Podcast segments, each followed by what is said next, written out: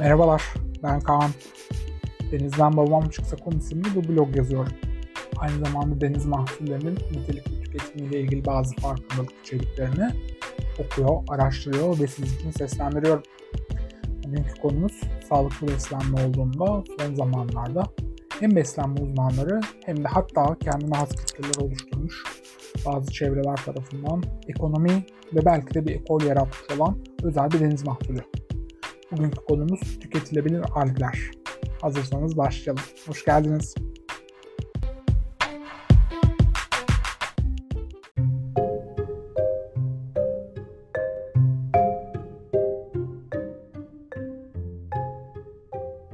Alglerin tarih boyunca süregelen yolculuğu oldukça ilginç ve dikkat çekici.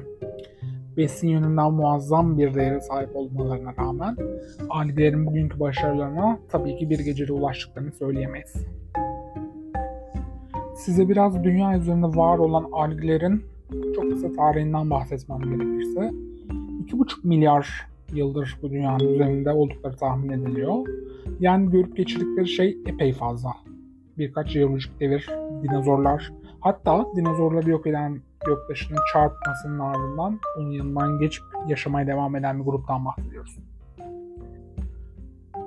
Alglerin bir diğer ismi de deniz yosunları. Bu podcast boyunca bazen alg, bazen deniz yosunu dediğimde siz ikisinin de aynı kapıya çıktığını bilirsiniz artık. Bu grup yani deniz yosunları çağlar boyunca besin olarak kullanılan ürünlerin içinde yer alıyor olmakla birlikte tam olarak da ne zamandan beri kullanıldıklarına dair şu an için elimizde çok da böyle kesin kanıtlar yok. Fakat denizden çıkan enteresan şeylerin tüketimi konusunda aklımıza gelen ilk yer neresi? Tabii ki uzak doğu. Çin, Kore, Vietnam, Japonya'daki bazı kayıtlarda deniz yosunlarına rastlanıyor. Tabii bunun bugünkü siyasi sınırlar içerisinde düşünülmemesi daha iyi olur. Coğrafya olarak düşünürseniz birazcık ufkunuzu kısıtlamış olursunuz. İsterseniz e, birazcık daha kapsamlı düşünebilmeniz için sizi bir yaklaşık 10 saniye tanıyayım. Bir Google Maps ya da Apple Maps açarak uzak doğu Asya'ya doğru bir yola çıkın ve o coğrafyayı bir tamamen inceleyerek bir harita üzerinde nereden bahsettiğimi göz atın.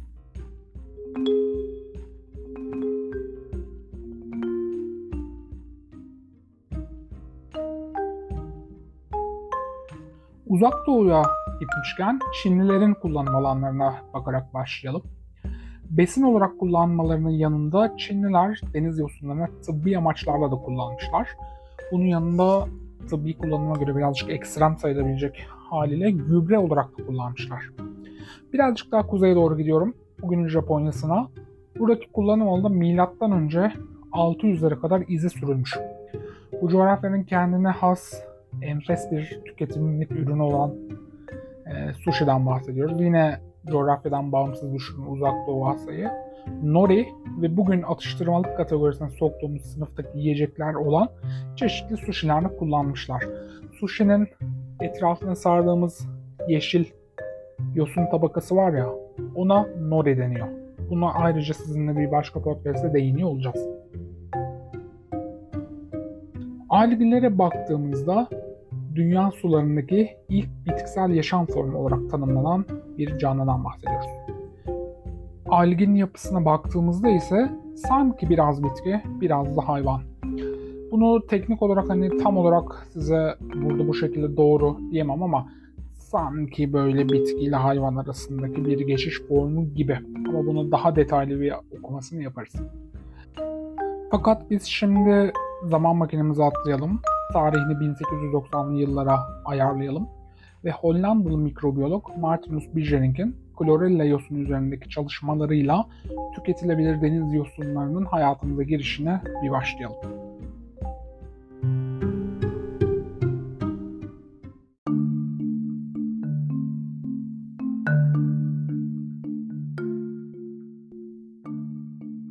denizden elde ettiğimiz pek çok şey gibi deniz yosunlarının tüketimlik birer ürün olarak değerlendirilebileceğinin anlaşılmasının önü ne zaman açılıyor biliyor musunuz? Alman bilim insanlarının bu yosunların yüksek protein konsantrasyonuna sahip olduğunu fark etmeleriyle. Hatta Otto Heinrich Warburg'un klorella üzerine yaptığı fotosentez çalışmaları sayesinde bilim çevrelerinde deniz yosunlarının önemini anlaşılıyor. Deniz yosunları gerçekten çok kapsamlı bir grup. Bunların içinde çeşitli büyüklüklerde ve çeşitli formlarda pek çok türü var. Bunlardan hani tüketilebilir olanlardan bazen tek hücreli algler olarak da bahsedebilirim. Bu da kulağınızın bir köşesinde dursun. Size geçtiğimiz haftalarda yayınlamış olduğum ıstakoz videosunda bahsetmiştim ya. Dünya savaşları esnasında beslenmek için doğru düzgün yiyecek bulamayan insanlar hani sırf karneye bağlanmadı diye ıstakozu yemeyi tercih ettiler ya. İşte özellikle Birinci Dünya Savaşı esnasında Alman halkının beslenmesi için dünyanın bu tarafında yani Avrupa kıtasından bahsediyorum. Yüksek protein içeriğinden ötürü deniz yosunları da kullanılmış. Bunların içinde klorella öne çıkan bir tür. Fakat unutuyor olduğumuz ve önemine zaman zaman e, fark etmekten vazgeçtiğimiz şeylerde olduğu gibi İkinci Dünya Savaşı'na kadar e, tek hücreli alglerin varlığı sanki biraz önemini yitirmiş gibi görünüyor. Soğuk Savaş yıllarında görülen bolluk ve ürünlere erişim ihtimalinin yeniden yükselmesi, klorella gibi tek hücre proteinlerine olan talebi azaltmış olabilir. Bunun kendi içerisindeki sosyolojik dinamiklerinden şu anda size herhangi bir bilgi verebilecek durumda değilim. Fakat bu sadece benim olabileceğine dair bir fikrim. Öte yandan biz insanların e, bir tüketim alışkanlığımız var ya, bir örneğin et yiyoruz. Onu bıçakla, çatalla kesip yiyoruz ya. Bu tek hücre proteinlerinin tüketim şekli de biraz farklı. E, bu iki savaş arasındaki yaygınlaşmasının azalmasının bir sebebi de bu olabilir diye bir başka görüşte belirtilmiş. Fakat biliyorsunuz arkasından e, Birinci Dünya Savaşı'nın bitişiyle İkinci Dünya Savaşı'nın başlamasının arasında çok kısa bir süre var. Ve bu bitiren olay neydi?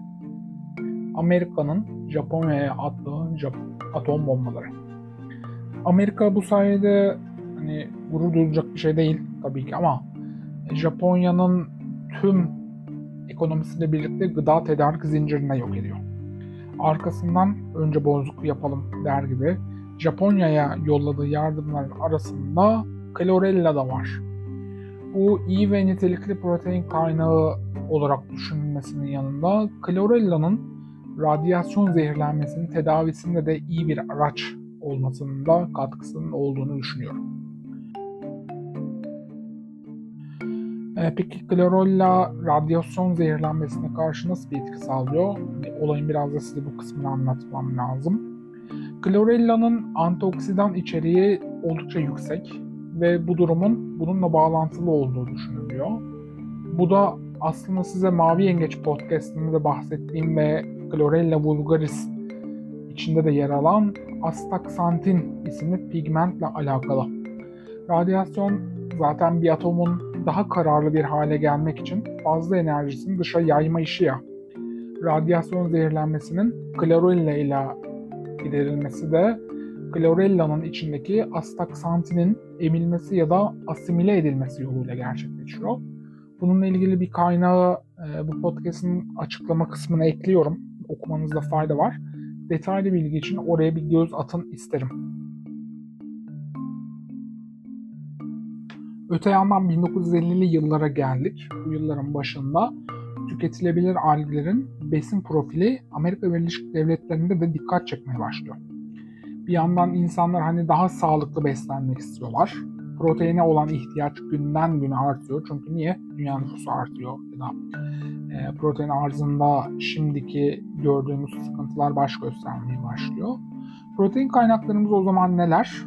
Genellikle büyük baş ya da küçük baş hayvanlar olmakla birlikte balıkçılık var. Fakat birileri bugünü öngörmüş olacak ki protein kaynaklarının çeşitlendirmenin iyi bir fikir olacağını düşünmüş ve bunları tek hücrelerden nasıl sağlarız diye araştırmaya başlamışlar. Hatta bu konuyla ilgili benim kendi bir düşüncem var. Obezite ile mücadele etmek istediklerinde bile çözümü alglerde aramış olabilirler.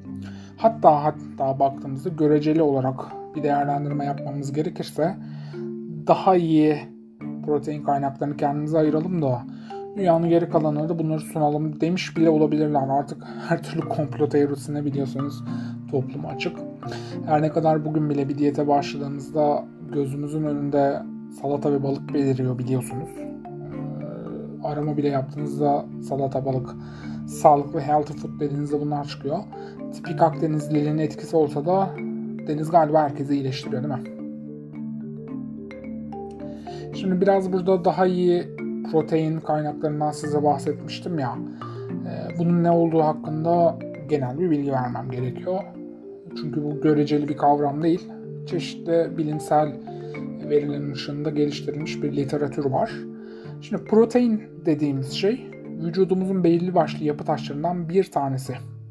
Proteinler amino asitlerden oluşuyor.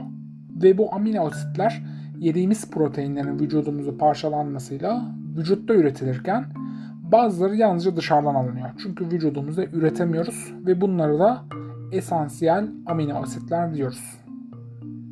Proteinler başta kaslar olmak üzere vücudumuzda işlev gören pek çok mekanizmanın işlevine katılıyorlar.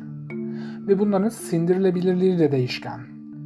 Bitkisel kökenli ve hayvansal kökenli olmak üzere iki çeşit proteinimiz var ve hayvansal proteinler bitkisel oran bitkisel olanlara göre daha kolay parçalanıyorlar.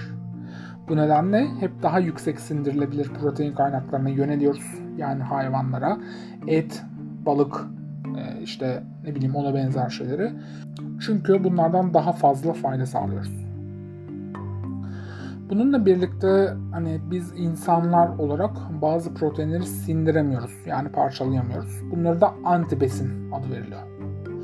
Örneğin soyada bulunan lektin isimli bir madde e, bundaki yani soyadaki proteini sindirmemizi engelleyebiliyor.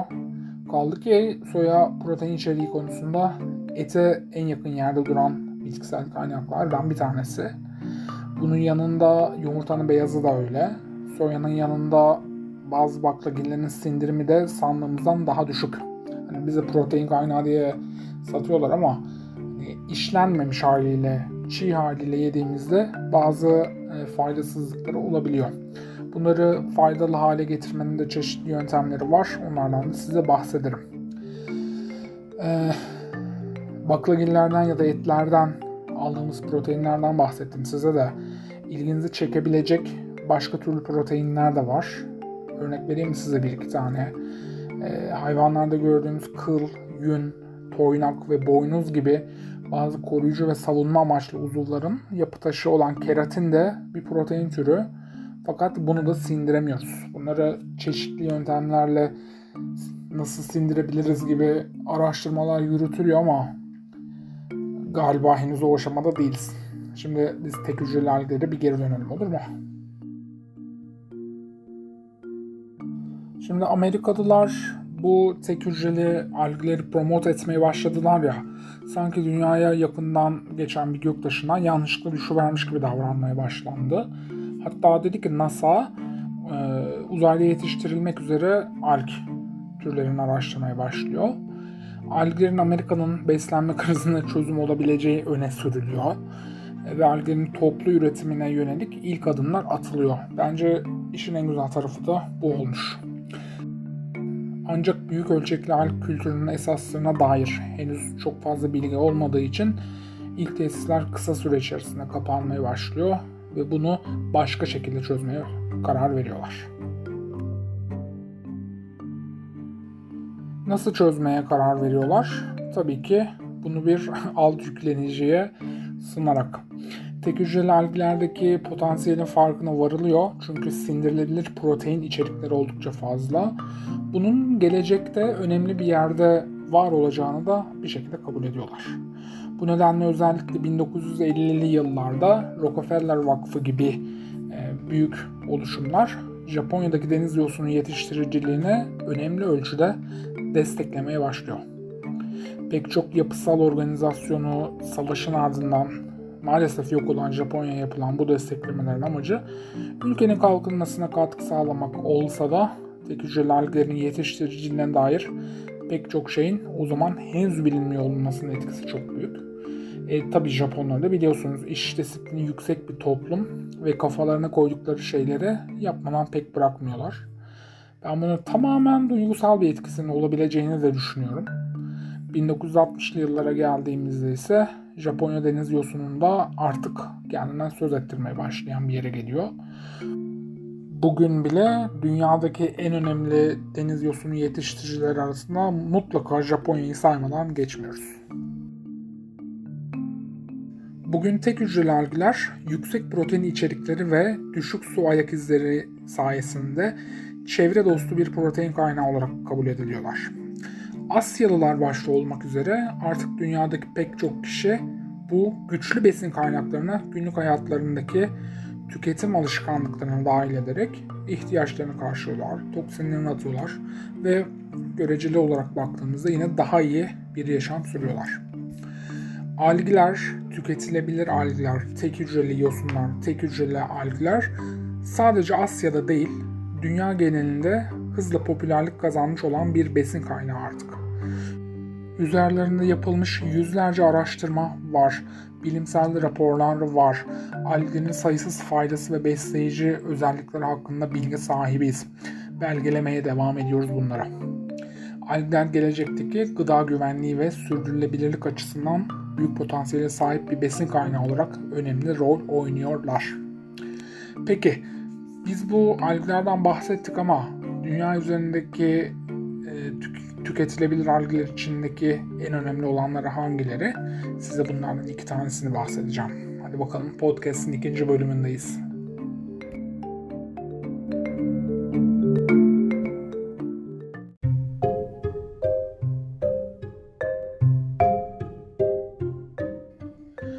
Bunlardan ilkinden aslında size isminden biraz önce bahsettim. Chlorella ve ikincisi de Spirulina. Chlorella ve Spirulina ikilisi tüketimlik su yosunları içinde en çok bilinen iki tek hücreli alg. Chlorella Chloracea ailesine ait bir su yosunu türü. Hayır buradaki çamaşır suyu olan kloraktan ya da temizlik amaçlarıyla kullanılan klordan bahsetmiyorum. Chlorella doğada bulabileceğiniz en kaliteli klorofil kaynaklarından bir tanesi ve ismi aslında buradan geliyor.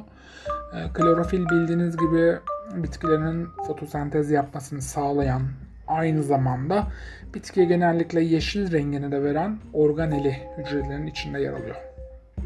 Sosyal medyada falan karşılaştığınız yeşillik takviyesi olarak buğday çimi, arpa veya yonca gibi diğer klorofil kaynaklarını sunanların aksine ben size burada biraz daha iyi bir şey tavsiye edeyim. Chlorella buğdayın çiminden 5 kat, arpadan 12 kat ve yoncadan da hemen hemen 10 kat daha fazla klorofil içeriyor. Yeşillik yiyip içecekseniz tamam belki buğday çimini ya da arpayı seviyorsunuzdur ama bir sefer de klorella'yı tercih edebilirsiniz aklınızda bulunsun. Bu tek hücreli deniz algi kurutulduğunda geriye kalan kütlesinin neredeyse yarısını proteinden oluşturuyor. Geriye kalanında 5'te biri kadar yağ var. Bu yağ tabii ki koyunun kuyruk yağı gibi bir yağ değil. Faydalı doymamış yağlardan bahsediyorum. Geri kalanında biraz işte karbonhidrat, vitamin, mineral hatta hani daha faydalı besinler. Chlorella tipik bir yaşamda kalma makinesi aslında sevgili dinleyiciler.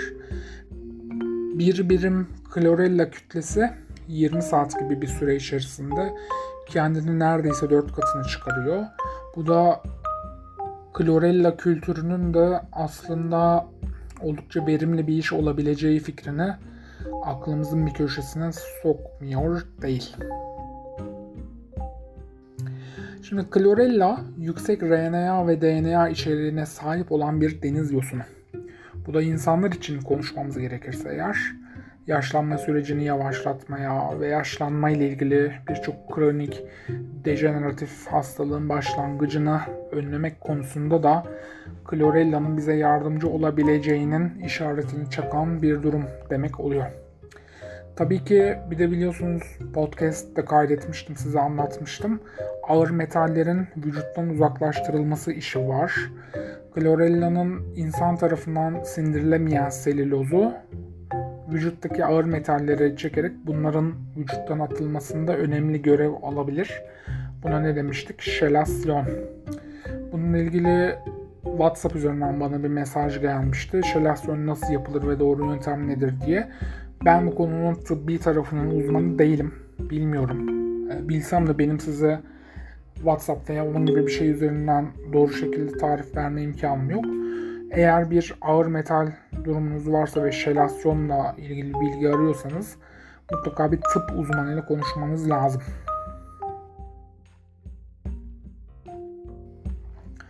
Klorella'nın içinde bol bir şekilde bulunan klorofil bazen bitkisel kan olarak da tanımlanıyor. Yapısı da zaten şöyle böyle baktığınızda bizim kanımızdaki hemoglobine de benziyor. Dolayısıyla tüketildiğinde vücudumuzdaki oksijen taşıma kapasitesini de arttırabileceği yönünde bazı çıkarımlar var. Dahası klorofil ve güneş ışığı kombinasyonunun kalori almadan bile enerji üretme yeteneğine sahip olduğunu gösteren bazı araştırmaları ben de rastladım. Bu da doğrudan klorofilin fotosentez ile besin üretme işine selam çakan bir mekanizma gibi görünüyor. Fakat bu konuda hani ben çok detaya giremeyeceğim. Okumalarım çok detaylı olmadı. Ne kadar uzattım değil mi? 20 dakikaya yaklaşmışız hatta geçmişiz. Bir de size çok kısa bir şekilde bir başka tüketilebilir tek hücreli alg olan spiruluna'dan bahsetmek istiyorum. E, Chlorella için çok ama çok çok çok iyi bir protein ve faydalı doymamış yağ asidi kaynağı dedik.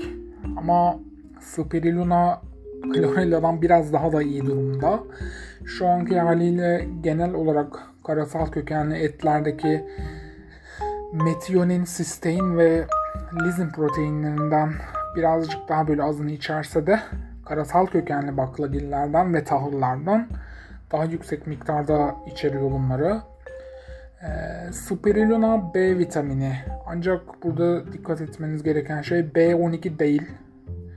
B vitamini, C vitamini, D vitamini, E vitamini ve potasyum, kalsiyum, krom, bakır, demir, magnezyum, manganez, fosfor, selenyum, sodyum ve çinko gibi mineraller ve e, çeşitli vitaminler yönünden oldukça zengin bir kaynak. Anlayacağınız karşınızda inanılmaz faydalı bir besin kokteyli var. Ve dünya üzerinde bitki olarak tanımlanan bir grubun içinde en yüksek antioksidan seviyesine sahip anne sütünden sonra hatta en zengin omega 3 yağ asidi kaynağına sahip bir besinden bahsediyoruz. Spiruluna'nın bir diğer özelliği de tam protein oluşu. Yani ne demek istiyorum? Vücudumuzun üretemediği 8 temel amino asit de dahil olmak üzere tüm protein yapı taşı olan amino asitleri üzerinde barındırıyor. Aynı zamanda havuçtakinden daha fazla beta karoten, ıspanaktan da daha fazla demir içeriyor. Şimdi podcast'ın bu kısmı hakikaten biraz uzun oldu. biraz klorella ve spirulina övme bölümü gibi oldu ama bunlar hakikaten kaliteli deniz mahsulleri. E, bunları hayatınıza katmanızda fayda var. Şimdi kat, kapatmadan önce e, size biraz da deniz mahsulü olarak tanımladığım bu tek hücreli alglerin tüketiminde nelere dikkat etmeniz gerektiğinden bahsedeceğim. Ondan sonra çok fazla vaktinizi almadan bu podcast'i kapatıyor olacağım.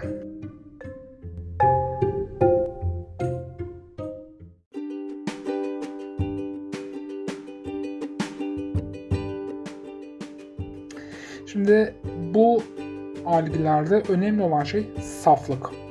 Eğer mümkünse sertifikalı ve mümkün olduğunca dış etkilerden korunmuş olan suçlardan üretilmiş olan algıları tercih etmenizde fayda var.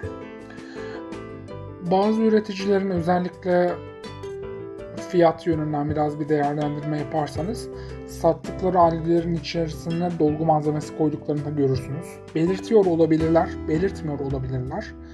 Bu da alglerden elde etmek istediğiniz fayda için tüketmeniz gerekenden neredeyse 10 kat daha fazla alg karışımı tüketmeniz gerektiği anlamına gelir.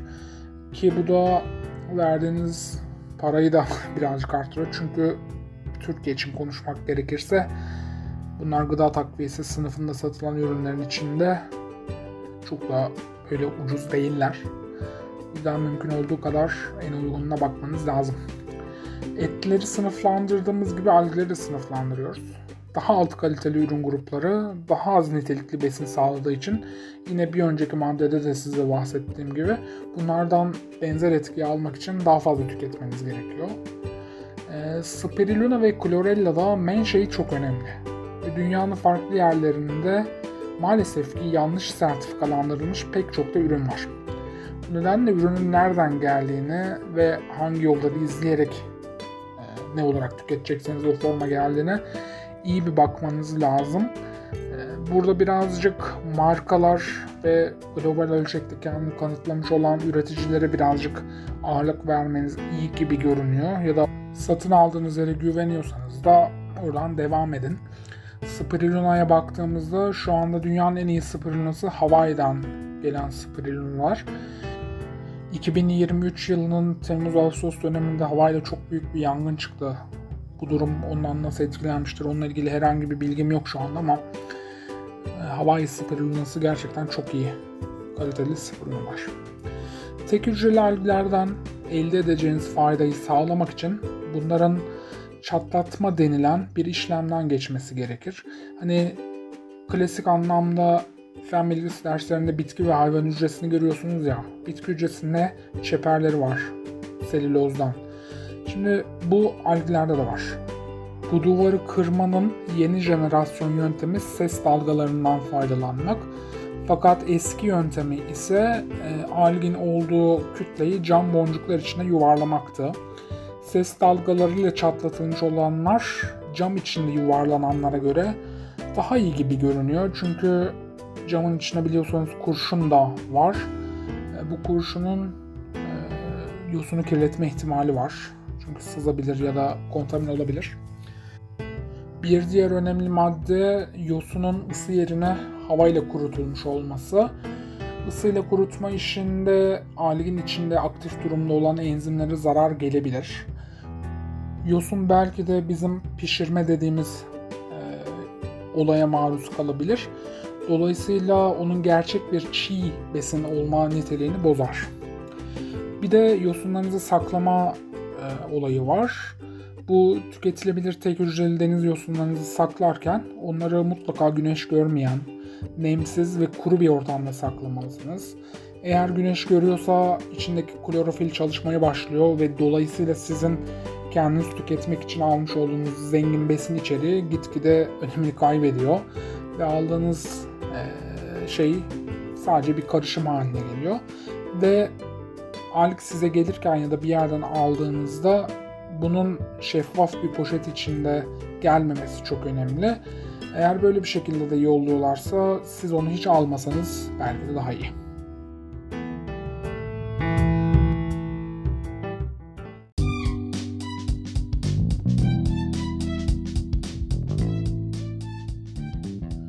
Bugün sizinle tek hücreli yosunlar ve bu yosunların geçmişten günümüze sürdürdüğü uzun yolculukların çok kısa bir özetini anlattım. Tabii ki tüketilebilir algler yalnızca Chlorella ve Spirulina'dan da ibaret değil. Kaldı ki bu ikisi mikroalg sınıfındayken bir de çok hücreli makroalgler var. Bunlardan da bir başka bölümde mutlaka konuşacağız. Umarım beğenmişsinizdir. Bir sonraki bölümde görüşmek üzere. Hoşçakalın.